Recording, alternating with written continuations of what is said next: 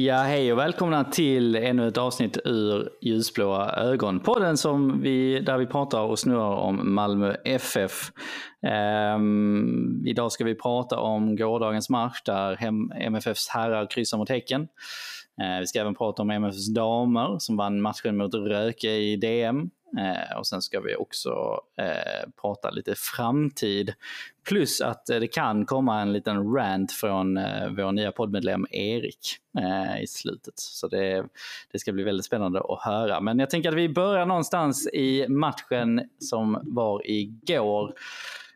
Där MFFs herrar kryssade då mot Häcken. Det blev 2-2 efter 90 minuter plus och Det är en match som man kan prata om väldigt mycket, men jag skulle faktiskt vilja ta tiden och prata om någonting annat. För att eh, i vanliga fall så skulle jag säga att den här podden är en eh, podd som har en positiv utgångspunkt. Som eh, ofta med skratt och leenden liksom tar sig vidare liksom från avsnitt till avsnitt till avsnitt. Men jag måste beröra en punkt som faktiskt gjorde mig genuint förbannad igår och som jag har tänkt på ett litet tag. Och det har ingenting med MFF eller Häcken för den delen att göra på det sättet. Eh, men det är ju nämligen så här att den äldsta formen av att lära ut och upplysa varandra är ju det man kallar för berättelsen. Att förmedla kunskap genom att berätta har funnits sedan människans första tid på jorden och den kommer fortsatt finnas tills den dagen då inte vi existerar längre. Men när den renaste formen av berättelsen, att förmedla någonting, att förmedla en känsla, en sensmoral eller rent objektivt ett reportage, när den förändras och förvanskas och när berättaren korrumperar denna, så blir jag som sagt lite förbannad. Och när man missförstår eh, att försköna en berättelse med att korrumpera den och dessutom vara helt oförstående till att andra reagerar på det, ja då är det vad jag kallar för omoraliskt. Eh, i vår tid så är detta ganska eh, välkänt. Vi har en Trump eh, som myntar ett begrepp som kallas för fake news och där ord och sanning och fakta, helt beroende på vem som berättar den, eh, kan variera helt enkelt. Och då kanske ni tänker så här mitt i, i mitt lilla tal, varför lyfter jag upp detta? Eh, jo, för att jag vill bara säga att, att jag tycker fake news är skit. Alltså det är en riktig, verklig ren smörja. Och det finns ett annat ord eh, för det här och det kallas faktiskt för sensationalism. Och det är ett väldigt gammalt begrepp. Det är ett begrepp som har funnits sedan antikens dagar som man kan spåra det till. Vad handlar det om? Jo, det är en form av journalistik som tenderar att vrida och skapa en dramaturgi för sina egna agendor. När jag såg sändningen igår från Malmö och Häcken, men även Hammarby och Göteborg, så då blev det väldigt tydligt för mig att det här sändande tv-bolaget inte längre bryr sig om att kanske att deras sensationalism påverkar spelare eller till och med ledare negativt. För eh, det handlar bland annat om att Anders Christiansen har haft en duell mellan han och Samuel Gustafsson på mittfältet. Och, och då pratar man bland annat om att AC har en egen regelbok. Och det är, inte liksom, det är inte en gång man pratar om det, utan man pratar om det gång på gång på gång och man antyder till det, även fast man kanske inte använder de orden. Och Det betyder alltså att AC borde ha mer kort eller utvisningar än vad han har. Det är liksom den värderingen som det här tv-bolaget eh, sätter. Men igår så ser vi också från den här IFK Göteborg-matchen att vi har en läkare som gör en undersökning på en Hammarbys målvakt Oliver Dovin efter att han fått en rejäl smäll i huvudet. Så, så är, plötsligt börjar man liksom ifrågasätta eftersom han då kommer från Göteborgs led. Mm, jag förstår inte varför man liksom ska lägga in så här förvränga liksom och skapa en sensation över någonting. För att det skapar dramaturgi. Man skapar liksom saker och ting som inte nödvändigtvis är sanna. Och efter gårdagens match, så några minuter efter alltså slutvisslan har ljudit så ställer Anders Christiansen in sig i en intervju med Discovery och han redan då är märkbart irriterad antagligen av resultatet. Men han håller ju masken bra och tills han får en fråga om att det är mycket kamp där ute. Eh, vi pratar om det i halvtid. Om vi börjar med den mellan dig och Samuel Gustafsson, hur upplever du den? Ganska harmlös fråga, men sen så fortsätter den här eh, intervjuaren, vilket han ska ju såklart på sätt och vis, att jag syftar på era dueller i mitten också. Du hade ju en tackling på honom. Är den på rätt sida av gränsen känner du? Hör du den till i sådana här typer av matcher? Det är liksom ett ifrågasättande som jag tycker är orimligt utifrån det som hände igår. Och uppenbarligen tycker väl Anders också det, för att han börjar ju dra referenser om att han skulle ha en egen regelbok. Att han är en ful spelare eller att han är en grinig spelare. Det är saker som Discovery då liksom har tjatat om eller liknande. Liksom. Eh, och jag säger verkligen att detta sker ju i flera sändningar. Det är inte bara en sändning utan det är flera sändningar som lyfter upp detta. Och jag bara, att han har kvar det i sin referensram, att han har kvar det i huvudet direkt efter 90 minuter.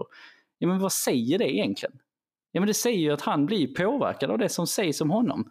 Och jag kan liksom inte, jag kan inte förstå hur, eh, eh, att man kanske, snarare så här, jag tycker liksom varför finns det inte en form av självrannsakan i detta? Att, att kanske Discovery borde fråga sig, ja men okej vi kanske inte ska liksom prata om detta gång på gång på gång, för att uppenbarligen påverkar det ju. Eh, och det, dessutom så finns det någonting farliga med det och det är ju liksom att man istället för att fokusera på liksom merparten som ska vara på matchen, att två lag spelar en boll och den som gör flest mål den vinner. Så ska man istället försöka printa in i lyssnarna att AC har en egen regelbok till exempel. Och vad jag vill ha sagt med detta är att jag tycker det skapas nidbilder av hur spelare är på plan. Att man skapar en, ett eh, onyanserat perspektiv. Och det, är liksom, det finns farliga grejer liksom än detta, just som hände AC, men, men det... Man kan till exempel prata om, jag kommer minns en diskussion med Tommy Åström som, som är expertkommentator i, Discovery. Jag kommer inte riktigt ihåg var den här diskussionen var, men de pratade mycket om att man ibland, liksom, om det var en afrikansk spelare, så, så var det ofta att man framhävde fysiken hos dem istället för att lyfta upp andra liksom, kvaliteter såsom spelintelligens och så vidare. Liksom.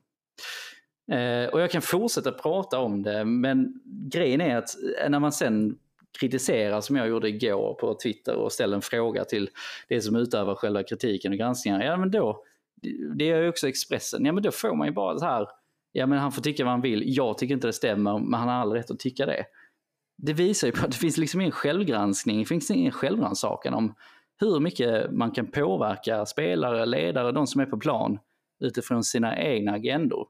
Och jag säger ju detta att jag, jag liksom inte jag säger ju inte detta i någon slags attack mot den journalismen.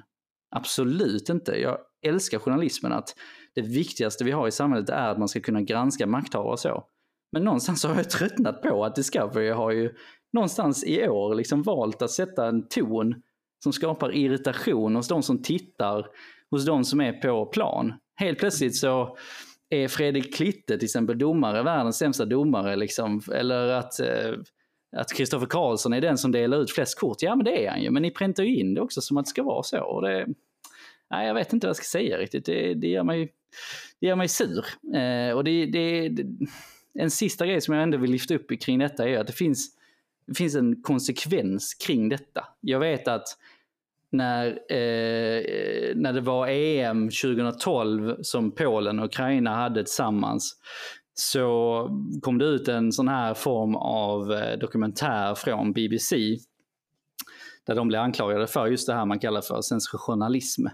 Och det handlade om att de hade släppt en dokumentär om den rasismen och antisemitismen som fanns i Ukraina och Polen eh, vid den tiden. Eh, och detta skulle liksom sen, det ska ju till att börja med sägas att rasism och antisemitism är vidrigt i alla dess former.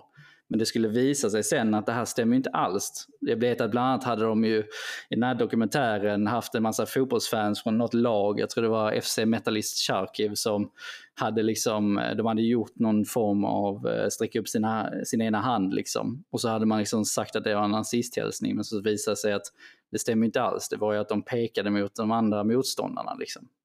Eh, det är ju ett sånt exempel liksom. Eh, det handlar om att man manipuleras bilder och, och fenomen och lägger sina egna värderingar i det, vilket är konstigt liksom. Eh, och, och för verkligen tydlighetens skull, hade det varit så att det hade varit någon form av liksom vidrighet i form av antisemitism eller rasism så hade det varit fruktansvärt. Men det visade sig att det inte stämde. Och, och vad blev konsekvensen av detta? Jo, det blev bland annat att folk vågade inte åka till Polen eller Ukraina för att eh, se de här fotbolls-EM. Liksom. Eh, ja, det är egentligen det. Det här är alltså slut på rant nu. nu. Jag, ni som lyssnar, jag beklagar liksom den negativa inledningen och vi ska alldeles strax gå vidare till ett fantastiskt avsnitt hoppas jag. Men, men jag var tvungen att få mig ur detta så det, ja, nu har jag slutat rantat. Ursäkta. du ursäktar.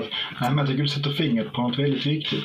Och det man kan se lite bredare övergrepp, men, men jag tycker att eh, det har väl väldigt tydligt att Discovery vill skapa kontroverser av olika slag. Att, att det är lite så här gammal nidbild av kvällstidningsjournalism, att man, man, man lägger 90 procent av en efter, eftersnack och pratar domslut som man inte kan, liksom, man kommer mm. inte så mycket vidare, man kan inte tycka att det är rätt eller fel. Och så piskar man upp stämningen på olika fall och det, det, det, det är fördummande och det, det är skadligt för, för fotbollen i övrigt. Så bra rantat tycker jag. Ja, ja men verkligen. Har du någon kommentar kring detta Sebastian? Nej, jag tycker bara det är djupt beklagligt hur en, ett sändande tv-bolag kan liksom framföra sina åsikter i direktsänd tv och rikta den här påhoppet mot spelare som utövar en sport som är folkets sport. Där jag känner att eh, man ser ju riktigt hur, utifrån vad jag tycker, att man ser på Anders Christiansen i denna intervjun att han, han gärna vill därifrån. Mm. Och det ska ju sägas att om vi ska nyansera det lite, den tacklingen som han gör på Samuel Gustafsson som de vevar om och om igen inför den norska tränaren Högmo eh, och, och, ska ha det från olika vinklar. Jag menar redan i halvtid tror jag de liksom så här, ja det är tufft där ute va. Liksom. Ja, det ska vara rött, tycker jag. Eh, ni kanske inte håller med mig, men jag tycker såklart att det är rött kort. Det är liksom inget snack om saken. Men det, det blir så skevt när man försöker få fram en reaktion från, från AC. Och dessutom liksom när det har varit en jäkla tuff kamp uppenbarligen liksom på plan i, i 90 plus minuter. Och, jag vet inte, det, det, är liksom, det får mig att tänka liksom varför de, när sporten inte längre blir fokus liksom. Och eh, varför jag använder liksom sensationalism eller, eller började med ett fake news där i mitt lilla, min lilla rant är ju för liksom att jag tycker att man låter inte tittaren få liksom att bilda sin egen åsikt. Utan ofta så skapas den åsikten och den behöver inte vara sann. Och det är lite därför jag också pratar om det här att berättandet är den äldsta formen av eh, så vi förmedlar kunskap. För att om någon berättar för dig, är du, det är en ful spelare. Vad tror du man kommer att se då hela tiden? Det är klart att det är en sjukt tuff match. Men de nämner ju inte att eh, Samuel Gustafsson är en ful spelare och han är ju ganska, det är ju en match i matchen mellan honom och AC. Det, det får man ändå säga liksom. Det är en tuff match, det är en kontaktsport. Det är klart att det är det. Sen återigen, ACs tackling är ju, den ska ju vara rött, det tycker jag i alla fall. Mm. Hörrni, eh, ska vi gå vidare för att jag vill inte vara överdrivet eh, ranting. Eh, så jag tycker att vi, vi lämnar det där och så går vi vidare till själva matchen. Och då, då vill jag gärna höra eh, Erik, vad MFFs kryssar mot Häcken. Målskyttar, Stefano Vecchia, det är också ett självmål från Johan Hammar. Det blir 2-2. Det är en välspelad match, det får man ändå säga. Men, men vad är dina reflektioner kring den här matchen? Ja, men till att börja med så, så just det där att det var en väldigt bra fotbollsmatch. Jag tycker det var en, en hög teknisk nivå på, på utfall från båda lagen. Eh, och skrev på Twitter direkt liksom, grattis till alla neutrala eh, tittare som fått se den matchen. Det var en väldigt bra match. Eh, och matchen, matchbilden var väl ungefär som jag hade förväntat mig på förhand. Eh, häcken trivs mm. rätt okej okay med att ligga lågt och, och, och spela på omställningar. De är, de är snabba. Eh, när de ställer om och de har det där mittfältet som gör att de, de kan spela sig ur en hög press. Samtidigt som vi gärna vill ha bollen eh, och ha, ha, och ha tålamod och spela runt och leta lägen. Så det var en rätt väntad matchbild första, första 45 mm. tycker jag. Det blev väl aldrig riktigt farligt kanske något håll. Vi hade väl något av sitt hyfsat läge i början och någon, någon bollvinst högre upp. Men det var ganska mycket att vi tog ut varandra lite grann. Eh, de, de stängde ner mm. helt bra centralt och vi, jag tyckte vi hade ganska bra kontroll på deras omställningar och lyckades att stänga av dem i tidigt, tidigt läge som gjorde att vi aldrig utsatte oss för för några egentliga löpdueller som man kanske på förhand kände skulle vara den, deras farligaste anfallsvapen. Uh, istället visade det sig att det var deras fascinationer som, som var eh, väldigt uh, farliga. De hade bra varianter på flera tillfällen och det blev farligt även innan, innan målet kom. Det var, hade jag inte riktigt koll på att de var så skickliga i det spelet. Eh, och så kom 1-0 också på en fast situation. Eh, då tänkte man, ja, man hann inte tänka så mycket egentligen för, för vi tog ju tag i det rätt snabbt eh, direkt efteråt och höll, höll bollen i ett par minuter innan, vi, innan Martin Olsson kom loss på vänsterkanten och spelade in den. Så eh, Vecka kunde slå in i ett ganska bra läge. Um, och där tyckte jag matchen ökade tempo. Det blev ett, vi tar, tar över och det känns som att det är vi som går för, för segern egentligen. Um, mm. och, och, trycker på. Utan att nödvändigtvis skapa så hemskt många avslut, men det var rätt mycket inspel och rätt många farliga lägen ändå. Uh, och sen så går Rydström och, och får feeling och känner att nu är det dags att byta in lite offensiva spelare. Och jag förstår att det hängde ihop med att Martin Olsson var trött och det kände man väl att det var väl inte helt orimligt. Och när vi inte har någon annan vänsterback att sätta in så eh, fick jag helt enkelt tänka om och gå ner på en, på en trebackslinje. Där hamnar vi lite snett i positionerna första minuterna. Eh, det kändes som att man inte riktigt visste vem som skulle göra vad. Då blev det ett hål hål på mitten som Häcken då, skickligt i och för sig, men onödigt kändes det som. Uh, utnyttjade. Men, men det stressar liksom, det stressar inte det här laget utan vi, vi fortsätter trumma på. Mm. Uh, och, spe, och spe, spela vårt spel och vi hittade ganska snabbt de nya positionerna i, i, i det nya ja, spelsystemet eller vad man ska säga som, som, vi, som vi gick, gick över på. Och till slut tycker jag vi fick en, en välkänd kriterium. Jag tycker också det är vi mm. som ligger närmast ett, ett segermål i slutet, även om det aldrig blev kanske riktigt nära så. Um, så ja, jag tyckte alltså det var mycket bättre att ha ett kryss än en förlust, så man gick ändå därifrån med, med hyfsat positiva känslor. Särskilt om att man mm. tänker på tabellen ser ut att vi leder med sex poäng fortfarande mot vår största konkurrent får man ändå säga, för det, det här kändes ju som att det här var Sveriges två bästa lag som möttes. Jo, verkligen. Jag vet inte om ni såg eh, IFK Göteborg-matchen eh, med Hammarby? Såg delar av den. Det var väl inte lika hög kvalitet. Nej, alltså det var en väldigt stor skillnad och att gå från den matchen Häcken då till, eh, till den här andra då.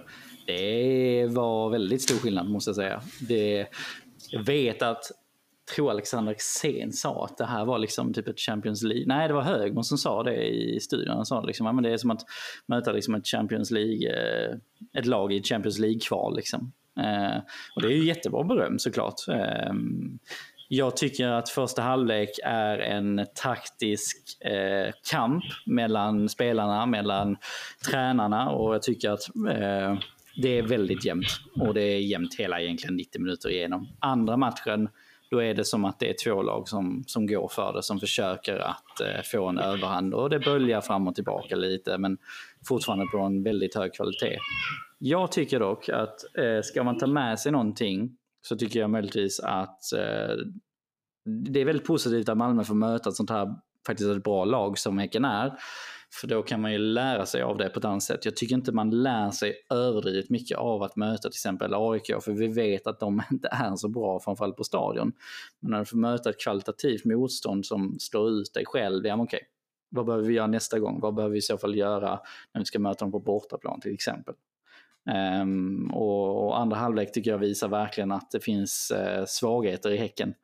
Uh, faktiskt. Um, man får inte glömma att de eh, vann kuppen eh, det här året liksom mot Mjällby. De hade säkert en ganska god känsla när de gick in i den här matchen. Eh, de vann SM-guldet förra året och de har behållit en tränare som uppenbarligen är mer än kompetent att leda ett lag. Medan vi har haft Rydström sedan januari i princip. Lite nyare spelare, väldigt bra spelare uppenbarligen. Ehm, jag känner mig inte helt missnöjd. Jag, måste ändå säga att jag var sjukt missnöjd efter eh, slutvisslan. Men eh, ja, för, för, det känns, eh, även om man kryssar så känns det lite som en förlust emellanåt. Men eh, jag, har, eh, jag har smält det. Sebastian, vad tyckte du om matchen? Alltså jag har ju skrivit ner eh, några höjdpunkter som jag tyckte uttryckte denna matchen. Det är ju det här att Häcken pressar ju MFF och eh, MFF visar ju tecken på snabb återövning, åter, vad heter det? Åter... Uh, ja, återerövning. ja, tack. och uh, visa hunger. Och sen uh, ACs crosspassning till Ceesay, det är ju fotbollsgodis. Detta händer ju i första halvlek. Mm. Sen när vi kommer in i andra halvlek så gör ju Häcken mål. Och då känner man ju liksom bara...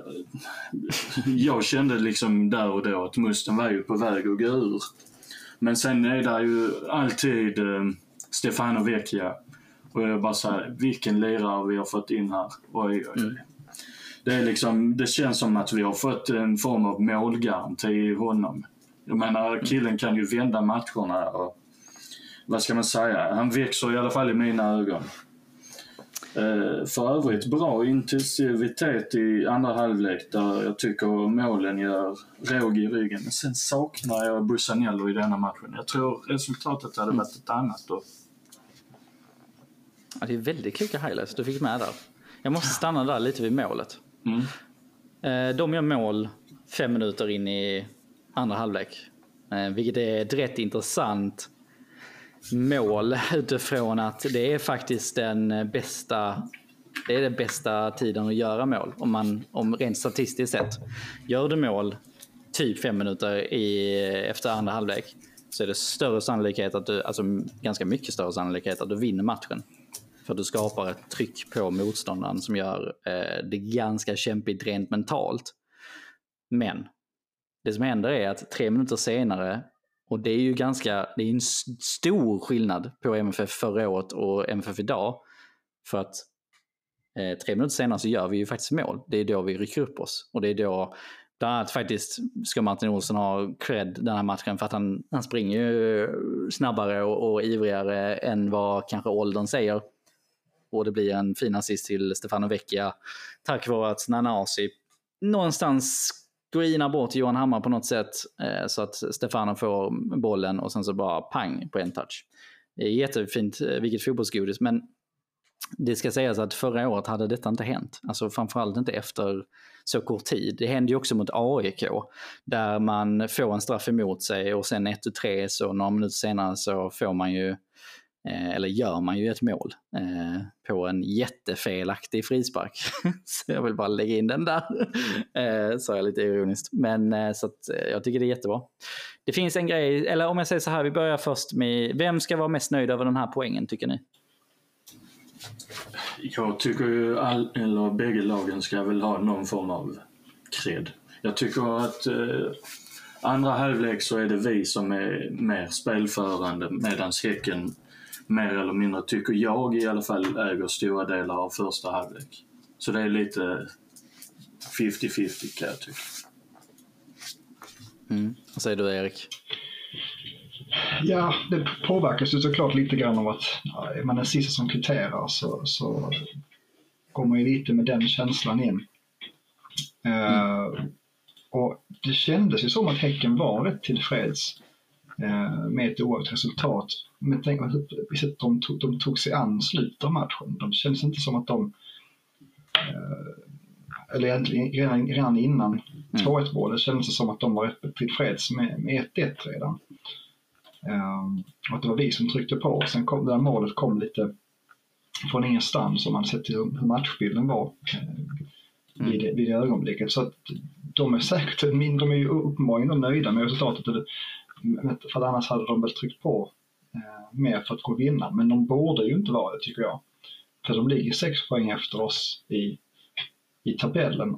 Och jag ser mm. inte att det är så många lag som kommer att ta poäng av oss den här säsongen så som det ser ut nu. Då behöver de ju utnyttja de sexpoängsmatcherna som blir. Ja, och, och det här ser jag väl ändå som en, en, en missad möjlighet för dem att knappa, att knappa in på det försprånget som vi har. Eh, så jag tycker, jag tycker egentligen att vi borde vara eh, nöjdare om man ser till hela säsongen och målet är att ta SM-guld och för att ta SM-guld så var det för oss viktigt att inte förlora den här matchen tycker jag. Ja, men det, jag, jag håller med er. Eh, jag kan känna att eh, eh, det är klart att det är liksom ett, ett bra resultat, en godkänd insats, men jag kan känna att det fanns eh, chans mer att hämta liksom, i den här matchen i MFF. Jag tyckte man var lite slarviga emellanåt i vissa passningar. Samtidigt som man briljerade i, i andra fall. Men en del passningar som slog bort. Jag tyckte Hugo såg, eh, Hugo Larsson såg lite seg ut, segare än vad han brukar vara. Men, men han var ju också sjuk i veckan så det, det är kanske inte så konstigt. Eh, jag tyckte Cornelius, det är synd att han inte får, eh, att han inte lyckas med den nickduellen med, eh, med Johan Ham, eller med eh, Hovland är det va, som nickar in från den hörnan.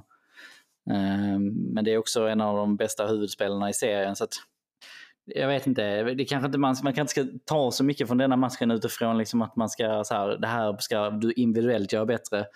Men jag tyckte att det var, Malmö hade inte sin bästa dag, de hade ingen dålig dag, men de hade inte, kanske inte sin bästa dag. Det, det, det tror jag ändå, det tror jag ändå AC bland annat var inne på efter matchen, liksom, att han kände att ja, vi måste kolla på prestationen. Liksom. Eh, så får vi se. Ehm, jag tänkte så här, eh, eftersom eh, man arbetar som lärare så, så vill man oftast ha liksom så här, har ni hört det här begreppet two stars and a wish? Nej, det innebär att alltså, två, vi använder två stjärnor, två saker som vi tycker var bra den här matchen. Och sen så har vi en önskan som vi hoppas på ska bli bättre till nästa match. För nästa match möter man ju nämligen Elfsborg. Ehm, och det är ju eh, trean för tillfället, eh, beroende på hur det går idag mot Norrköping. Så Sebastian, vill först höra, vad tyckte, de två grejer som du tyckte var bra idag? Eh, lite kort. Ja, först och främst var det igår. Och eh, jag tycker väl att vi, vi är med i matchen. Vi liksom går ju efter strupen återigen. Men eh, lite mer eh, attityd kanske behövs spetsas mot eh, Elfsborg. För jag tror Elfsborg kommer nog vara lika spelförande som Häcken i denna matchen. Känns det som att nu har snart kanske hälften av allsvenskan sett hur MFF spelar och då kommer nog fler eh, köra liksom ett solid block, solidt block, beklagar.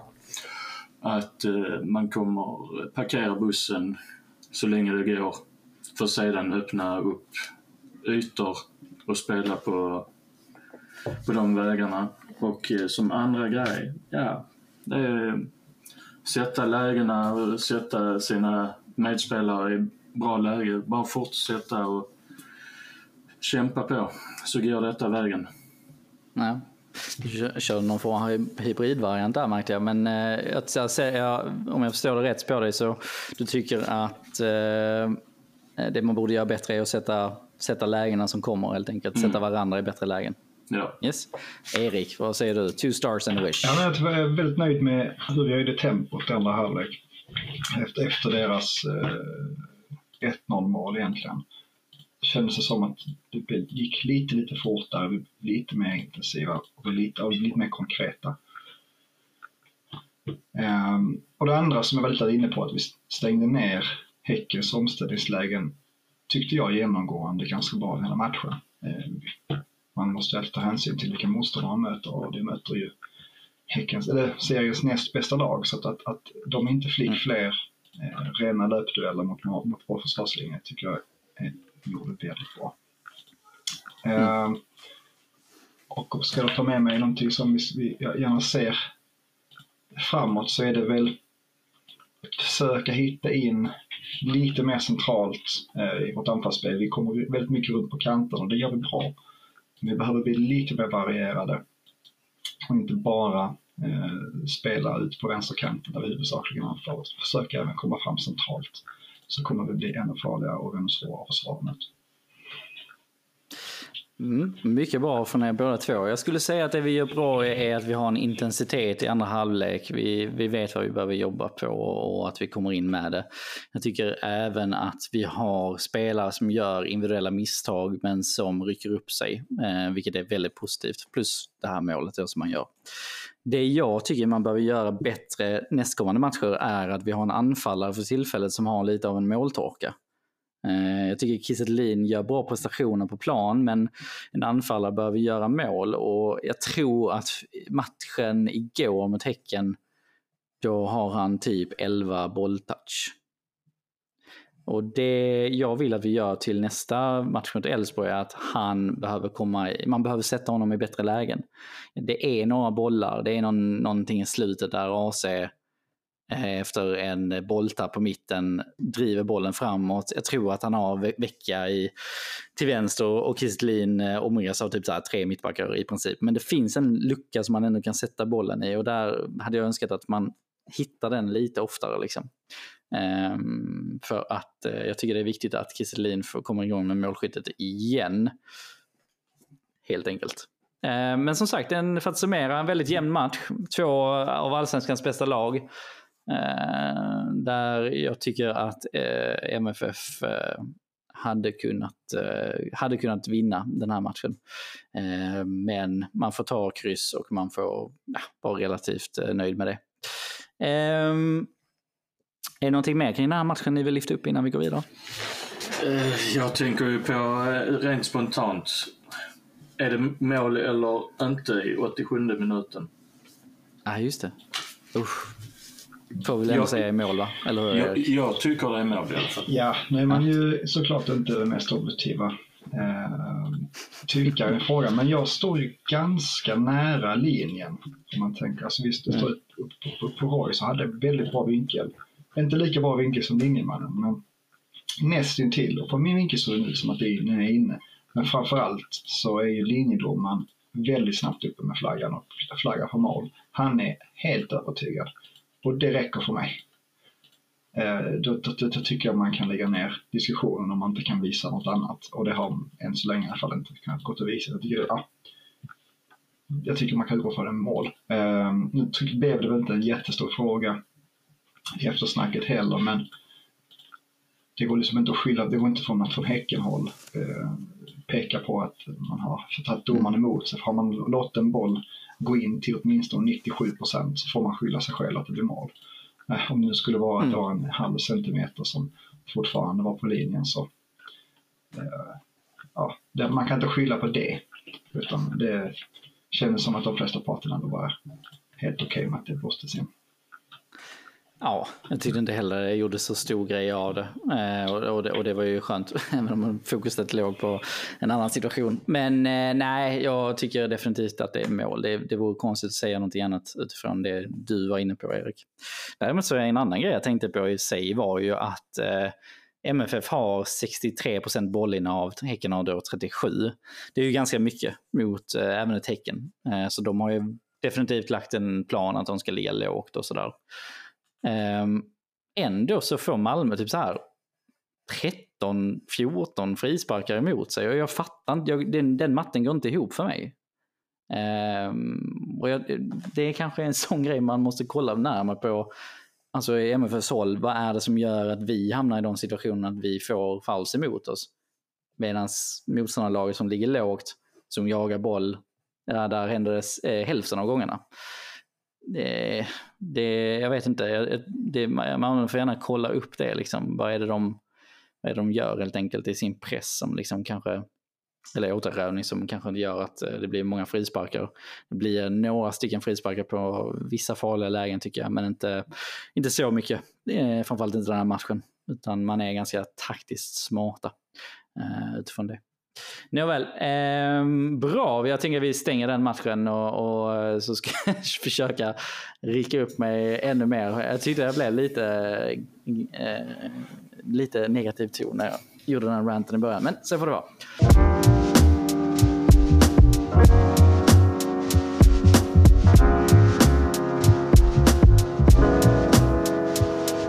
Um, vi går vidare till damerna, för det är ju så här att MFFs damer vann matchen mot Röke i DM. Jag vet inte om ni såg eh, eh det här fantastiska bengal ståhejet som var innan matchen. Eh, men det var ganska komiskt i och med att eh, laget hette Röke. Eh, och där vann man ju då med 0-8, alltså 8 mål, 0 insläppta genom mål av Vinblad, Holm, Thea Welin och eh, eh, andra systern Welin. En Heide, Rosensköld, Kander och Svensson. Så att eh, man, man gjorde en, en, en succématch återigen. Eh, så det är jag ju väldigt nöjd med. Eh, vad säger ni om detta, Sebastian? Ja, det, det börjar bli en vana att man eh, skördar frukt, och, eller bär frukt som ordspråket säger. Att man ja, briljerar även på eh, i DM. Och eh, ja, det är inte så mycket att säga egentligen utan det är bara liksom tuta och köra helt enkelt. Ja, och det här eh, avancemanget, jag tycker att man gör, jag ska vara helt ärlig, jag såg faktiskt inte den här matchen, tyvärr. Men jag, jag tycker att eh, det är svårt att säga att man kan så förvänta sig mer av, av den här matchen. att när man ändå gör en sån insats. Det, det, helt plötsligt så kändes det som att man var i division 2 igen. Liksom. Eh, och eh, alltså, för, alltså när man tänker liksom så här, den senaste matchen som jag upplevde som att man tappade fokuset lite så uppenbarligen gör man inte detta för man gör ju mål ända fram till 88 minuten. Så att jag, jag känner att man, man, har vis, man visade liksom en slags uppryckning rent mentalt tror jag. Um, så att eh, jag är glad att man inte ställer in skorna. Jag är glad att man får göra så mycket mål och att eh, vi har spelare som bara fortsätter liksom med detta. Eh, plus är det väldigt roligt att man dessutom har lag, eller förlåt, spelare från eh, F17 som kommer in i truppen. Och, eh, Isabella Adler har en, en assist och Mikaela Rosensköld är ju den som, en av de som gör eh, mål i 67 minuten. Och det är ju fantastiskt att man kan liksom rotera redan i, i, i, den här serien med så bra spelare. Så att, äh, härligt får jag säga. Har du någonting att tillägga Erik? Nej, man skulle snart kunna spela in en, en hyllningskör och spela upp den varje avsnitt. Det känns som att eh, damerna bara vinner och vinner. Eh, och det är klart, det ska väl vara, det ska väl vara stor skillnad mellan division 1-lag och division 2-lag. Så att man skulle vinna klart eh, kändes väl som att det var det förväntade. Eh, men det ska mm. göras också och det är viktigt att, ta sig vidare i DM eftersom att det gör att man kvalificerar sig in till Svenska cupen framöver. Så att, eh, mm. nej, väldigt roligt. Eh, ja men verkligen och, och, den här segern dessutom den, eh, om man tittar framåt så, så spelar man ju också i, i serien. Så hade man stabil bortaseger mot Lödöse Nygård IK där det blev 0-4 till Malmö FF då. Och då är det målskyltar Malin Gullansson som gör två mål och Rebecka Holm gör två mål. Så det är ju väldigt härligt. Eh, nästan hattrick. Eh, så att, eh, det får man se till att göra nästa gång om man ska ha någonting att klaga på. Eh, men jag tycker att eh, det är ju jättepositivt att man återigen, man är stabila, man, man släpper inte in något mål, man gör mycket mål. Eh, man visar att man eh, rycker upp sig, liksom, att man håller fokus eh, i 90 minuter plus. Liksom.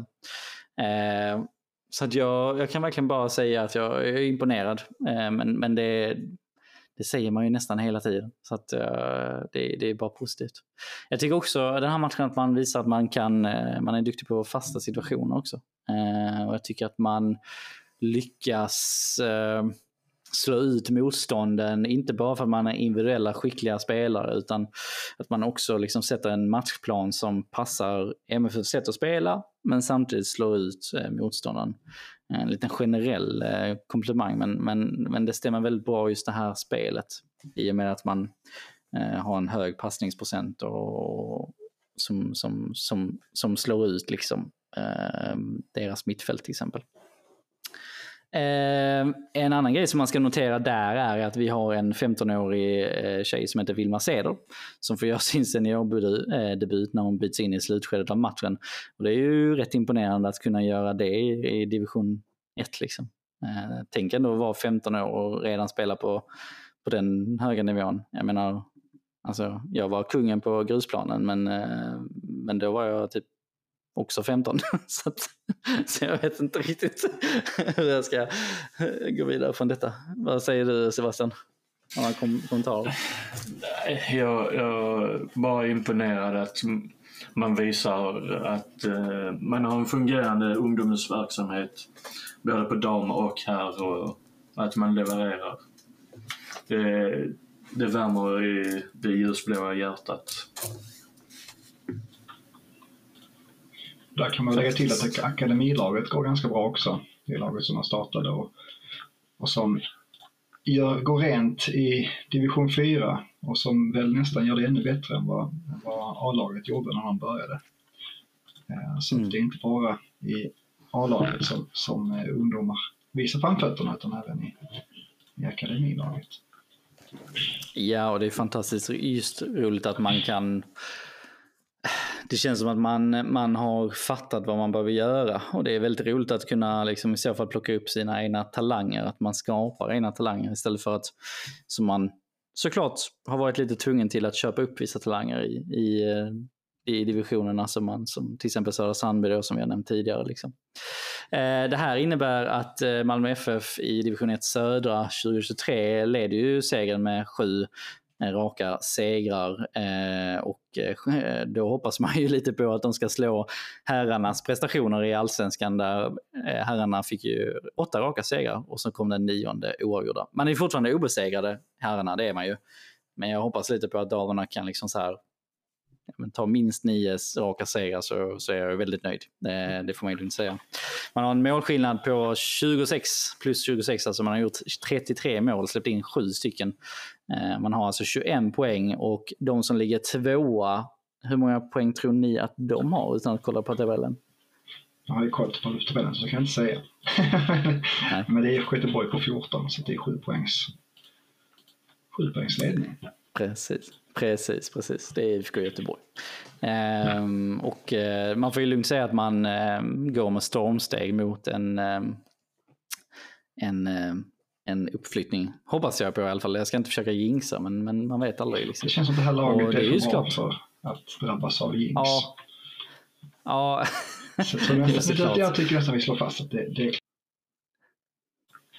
men verkligen. Och sen så har jag funderat ibland på, ni vet, ni vet den här känslan av att liksom så här, ja men jag, jag kan, eh, när, om det är en straffspark, att man, så här, eh, man slutar kolla för att då är det risk att det inte blir mål. Alltså om man, om man fortsätter kolla. Eh, jag önskar verkligen att jag hade en sån makt. Alltså att, att om jag inte bara kollar på, på straffen så blir det inte mål. Men eh, det vore ju helt absurt för då hade jag ju köpt en trisslott eh, kan jag ju säga. Med det sagt, eh, vi ska gå vidare från damerna. Eller förlåt, från damernas match. För att nästa match som de ska spela så möter man IFK Örby och IFK Örby, om jag kan smygkolla här lite, de ligger på en tionde plats. De har alltså vunnit en match, spelat lika Eh, tre matcher och förlorat tre. De har alltså en målskillnad på minus fyra. Nio mål gjorda och 13 eh, mål insläppta och har sex poäng i division 1. Vad tror ni det här resultatet kommer bli? Inte inte. Jag tror vi kommer vinna. Jag tror vi kommer vinna klart. Men det, det är svårt att säga, men det har ju varit ganska stora siffror senaste tiden så att eh, det blir säkert mycket mål. Och den matchen spelas ju hemma då på Malmö stadion. Mm. Helt rätt. Ja, jag ska i och för sig säga att jag hade lite hybris när, innan man skulle möta Ljungskile och den matchen var inte helt given. Eh, faktiskt när man väl såg den. Att det, det såg eh, som sagt nonchalant ut och sådär. Men, men eh, det slutade ju bra. Eh, även om man släppte in två väldigt sena mål. Men Sebastian, vad tror du? Om du, får, om du säger en siffra, vad tror du den matchen slutar på? Bra fråga. Jag, jag är likgiltig med Erik. Jag tror vi vi, vi är bortskämda med mycket mål så det, jag vill gärna säga att eh, mycket mål. Och då är det ju mellan tummen och pekfingret igen. Och då tippar jag väl, ja, är det för mycket begära 6-0? nej, men, ja, nej det, vi, ser helt enkelt. Man vill inte, man vill inte låta överdrivet dryg heller, men det, det, det var det. Det är ju ändå någonstans det Malmö FF Way.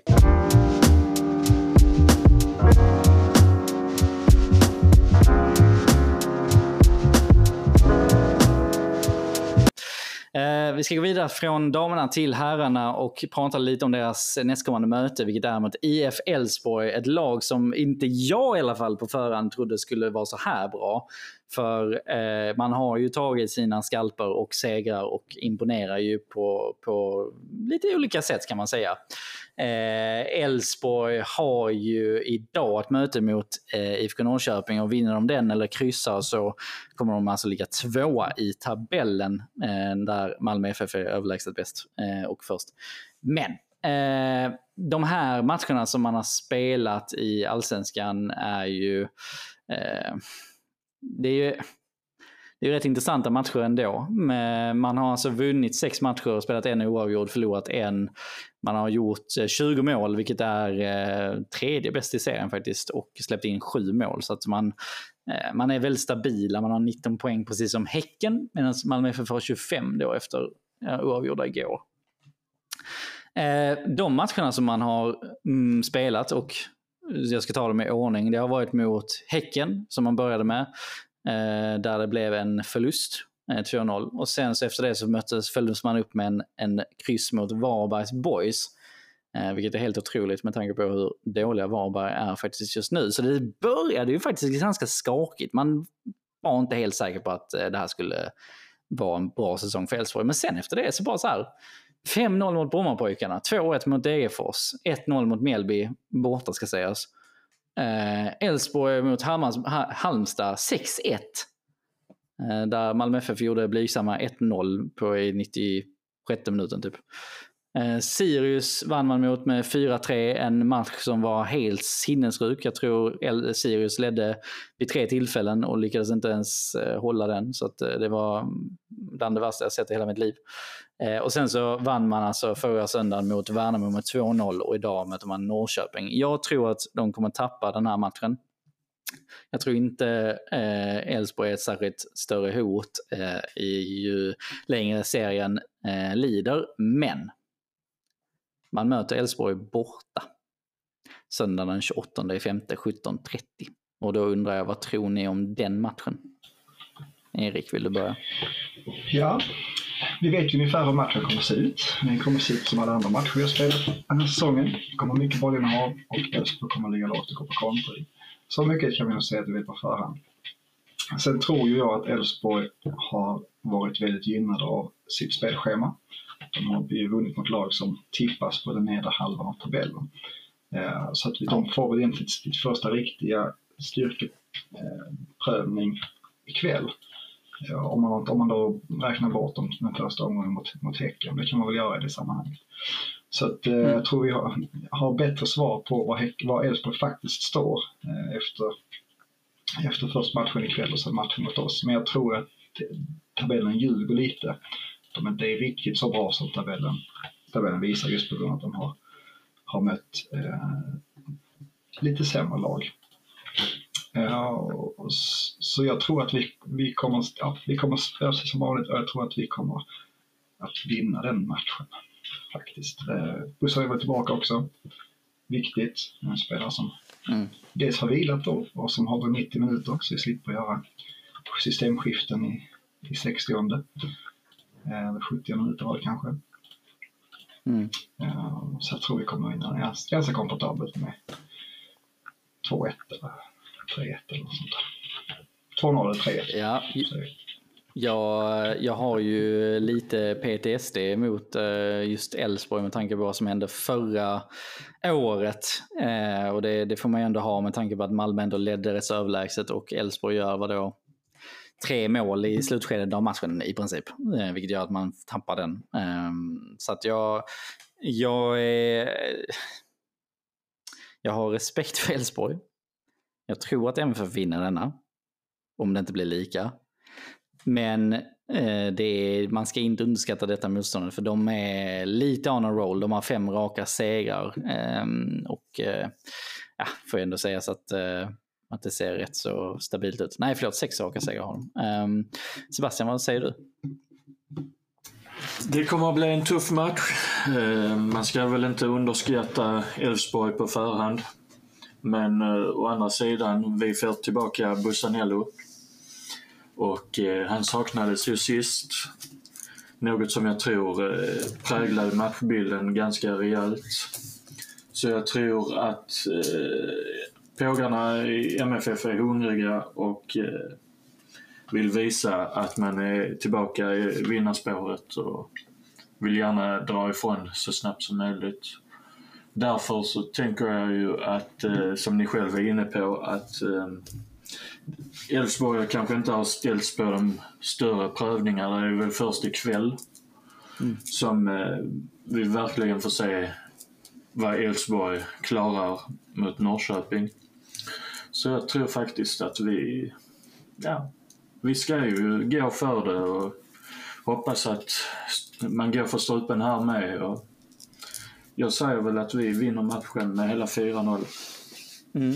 Nej, det, oj, shit. 4-0. Jag, jag bara så här, bara, mm. Det är ju... Eh, har inte vi lärt oss detta Sebastian? Att vi kanske inte ska... Jag kommer ihåg vid något tillfälle att vi sa typ så här, men det blir 5-0 och så blev det typ så här 1-0 typ, eller 1-1. Mm. Ja. Eller så har jag faktiskt haft rätt någon gång på att tipset har gått in. Ja, ja, men det har du, ja, men det har du faktiskt. Det får jag ändå ge dig. Jag kan eh, tycka det är intressant med Jimmy Tillins lag att de kan ju blanda och ge och, eh, ofta i säsongen. Liksom. Men eh, här så har de mest gett ska sägas. Ehm, jag tycker de har väldigt intressanta spelare som jag gillar i alla fall. Johan Larsson som är deras lagkapten och Niklas Hult tycker jag var eh, fantastisk vänsterback. Men mm, sen har de ju Ondrejka och Jeppe Ockels och där är väl Ondrejka redan nu klar för en eh, flytt va? Han skulle lämna till Royal Antwerp. Mm. Det stämmer. Man hade ju önskat att det transferfönstret var lite närmre. Eh, och att han inte spelade den här matchen. Men så får det vara, man kan inte få allting i livet. Eh, Medan de också har en Gudjonsen, alltså storebror till Daniel Gudjonsen som faktiskt spelar i MFF och gjorde mål i P19 häromdagen. I, idag va, tror jag till och med. Ehm, så att eh, de har intressanta spelare. Man ska inte underskatta vissa som heller, som André Römer tycker jag också är jättebra. De har Gustav Lagerbielke som, som var fantastiskt bra tyckte jag i, i, i Degerfors eh, förra året. Ehm, mm. Nej, eh, om jag skulle sätta en siffra så det beror ju på vem som spelar i Malmö. Det är klart att Busanello kommer vara briljant eftersom han också kommer att spela. Men jag får ju lite så här, man kanske ska in med Anton Tinnerholm Eh, hoppas på att eh, Elfsborg har lite PTSD efter hans senaste match mot dem. Eh, där eh, han, gjorde, han var väl inblandad i fyra mål tror jag. Eh, vad var det, 2017 va? Så, att, så det, det hoppas jag lite på. Även om jag tycker Ceesay har varit bra. Um, har, har vi någonting mer att säga om den matchen? Nix. Nej. Då tänker jag så här att eh, eftersom vi ska sluta cirkeln lite, eh, så vi började med en rant om en viss grej så ska vi sluta med en rant också. Eh, så har vi fyllt ert, ert behov för negativitet idag. Ja. Men ja, det är viktigt. Det är jätteviktigt. Så Erik, tar du turen? Jag försöker hålla mig rätt kort. Uh, alla har säkert, har säkert sett uh, SUFFs nya ordförande Fredrik Reinfeldt uttalar sig om VAR här i dagarna. Eh, och vi ska inte ge oss in i en diskussion för eller mot VAR, för den hade tenderat att bli ganska ensidig. Utan snarare är det argumentet som jag vänder mig mot och som jag inte bara ser i VAR-diskussionen, utan de brukar även dyka upp i 51% diskussioner. Det är just det här att varför ska vi eh, vara avvikande för Europa. Vi måste närma oss Europa. Då tycker jag att man, man missar liksom vad som är syftet med svensk klubblagsfotboll. Vem är, vem är fotbollen till för? Det lyfts ofta som argument att, att, att uh, vi måste göra olika saker för att vi måste, vi måste hävda oss bättre, bättre i Europa. Men, men fotbollen för mig uh, är, liksom, är folkets sport. Den är till för, för medlemmar, den är till för publik. Den är till för alla som engagerar sig. Syftet med den svenska klubblagsfotbollen borde vara att helt enkelt engagera folk, locka folk till, eh, till våra idrottsplatser och arenor ute i landet på alla nivåer eh, och underhålla. Och när man då helt missar det perspektivet att, att alla, eh, de, eh, majoriteten av de svenska elitklubbarna som är de som, eh, som skulle påverkas av ett sånt VAR-beslut är emot det. De vill inte ha VAR. Man, man, man möts av kommentarer från, från, från supportrar i länder där man har infört VAR. Att det, det är det värsta som har hänt. Att man då lyfter eh, ett icke-argument eh, tycker jag är oerhört, eh, oerhört oroväckande. Han, han har ingen koll på vem, vem, vem som är hans uppdragsgivare. Han har ingen koll på vem han, vems intresse han ska verka. Eh, och jag tycker också det är oerhört ohederligt av honom att gå, att gå i en valrörelse där han inte uttalar sig om de frågorna heller. Det ska man komma ihåg att han fick frågorna om bland annat VAR tror även om 51%-regeln, innan han valdes in och vägrade att svara på de frågorna. Var, var står han? Så vi har valt in en ordförande som inte vet eh, var han står i vår tids kanske mm. mest viktiga frågor. Uh, och sen när han väl blir invald, då visade det sig vad, vad han faktiskt vill. Och jag tycker bara att det är så, så jävla bedrövligt, uh, ursäkta ordvalet, Eh, Eh, och jag tycker han ska se sig i spegeln och någon får helt enkelt förklara för honom vem, vem han arbetar för. Ehm, för svensk fotboll mår väldigt, väldigt bra utan VAR. Vi har väl mer folk på läktarna än någonsin. Det händer saker i, på, på läktarna även utanför storstad, eh, storstadsklubbarna. Vi ser eh, jättefina tifo-arrangemang i, i Sirius, vi ser det i, i Halmstad, Mjällby, you name it. Mm. Det, det är det vi ska sträva efter. Inte att, inte att helt eh, okritiskt bara ställa och rätta om sig i livet och göra precis som alla andra. Låt, låt Sverige vara den fina lilla ankdamm som vi är. För vi, vi, det är så vi vill ha det. Det är så, det är så vi mår som allra bäst. Så eh, ja, Reinfeldt har eh, Eh, lite att förklara helt enkelt. Woo, preach säger jag bara. Nej, det är, det är väldigt, väldigt, väldigt bra Erik. Jag reagerade också en del på, på det. Um, jag tycker att uh, Reinfeldt är intressant att lyssna på, men som du säger så är han ju helt fel ute. Och han måste verkligen fundera, som du också säger, vem som är hans, eh, vem det är han verkar för. Eh, och eh, det är inte att verka för Uefa eller Fifa och Infantino i detta fallet. Liksom. Det blir väldigt märkligt. Framförallt blir det märkligt utifrån att vad är det medlemmarna i, i svensk fotboll faktiskt vill. Det är inte så föreningsdemokrati ska funka, helt enkelt. Ehm, mycket bra. Eh, jag hoppas att ni eh, som lyssnar på detta avsnittet har eh, en, haft en bra lyssning och att ni känner att det har varit intressant att lyssna på. Är det så att ni undrar, har lite frågor eller funderingar eller vill diskutera någonting med oss eller till och med själva vill ranta ut gånger två som vi gjorde detta avsnittet så vet är väl att vi finns på Instagram, vi finns på Twitter och, eh, vi finns också på vår mail som är urljusblåaögon1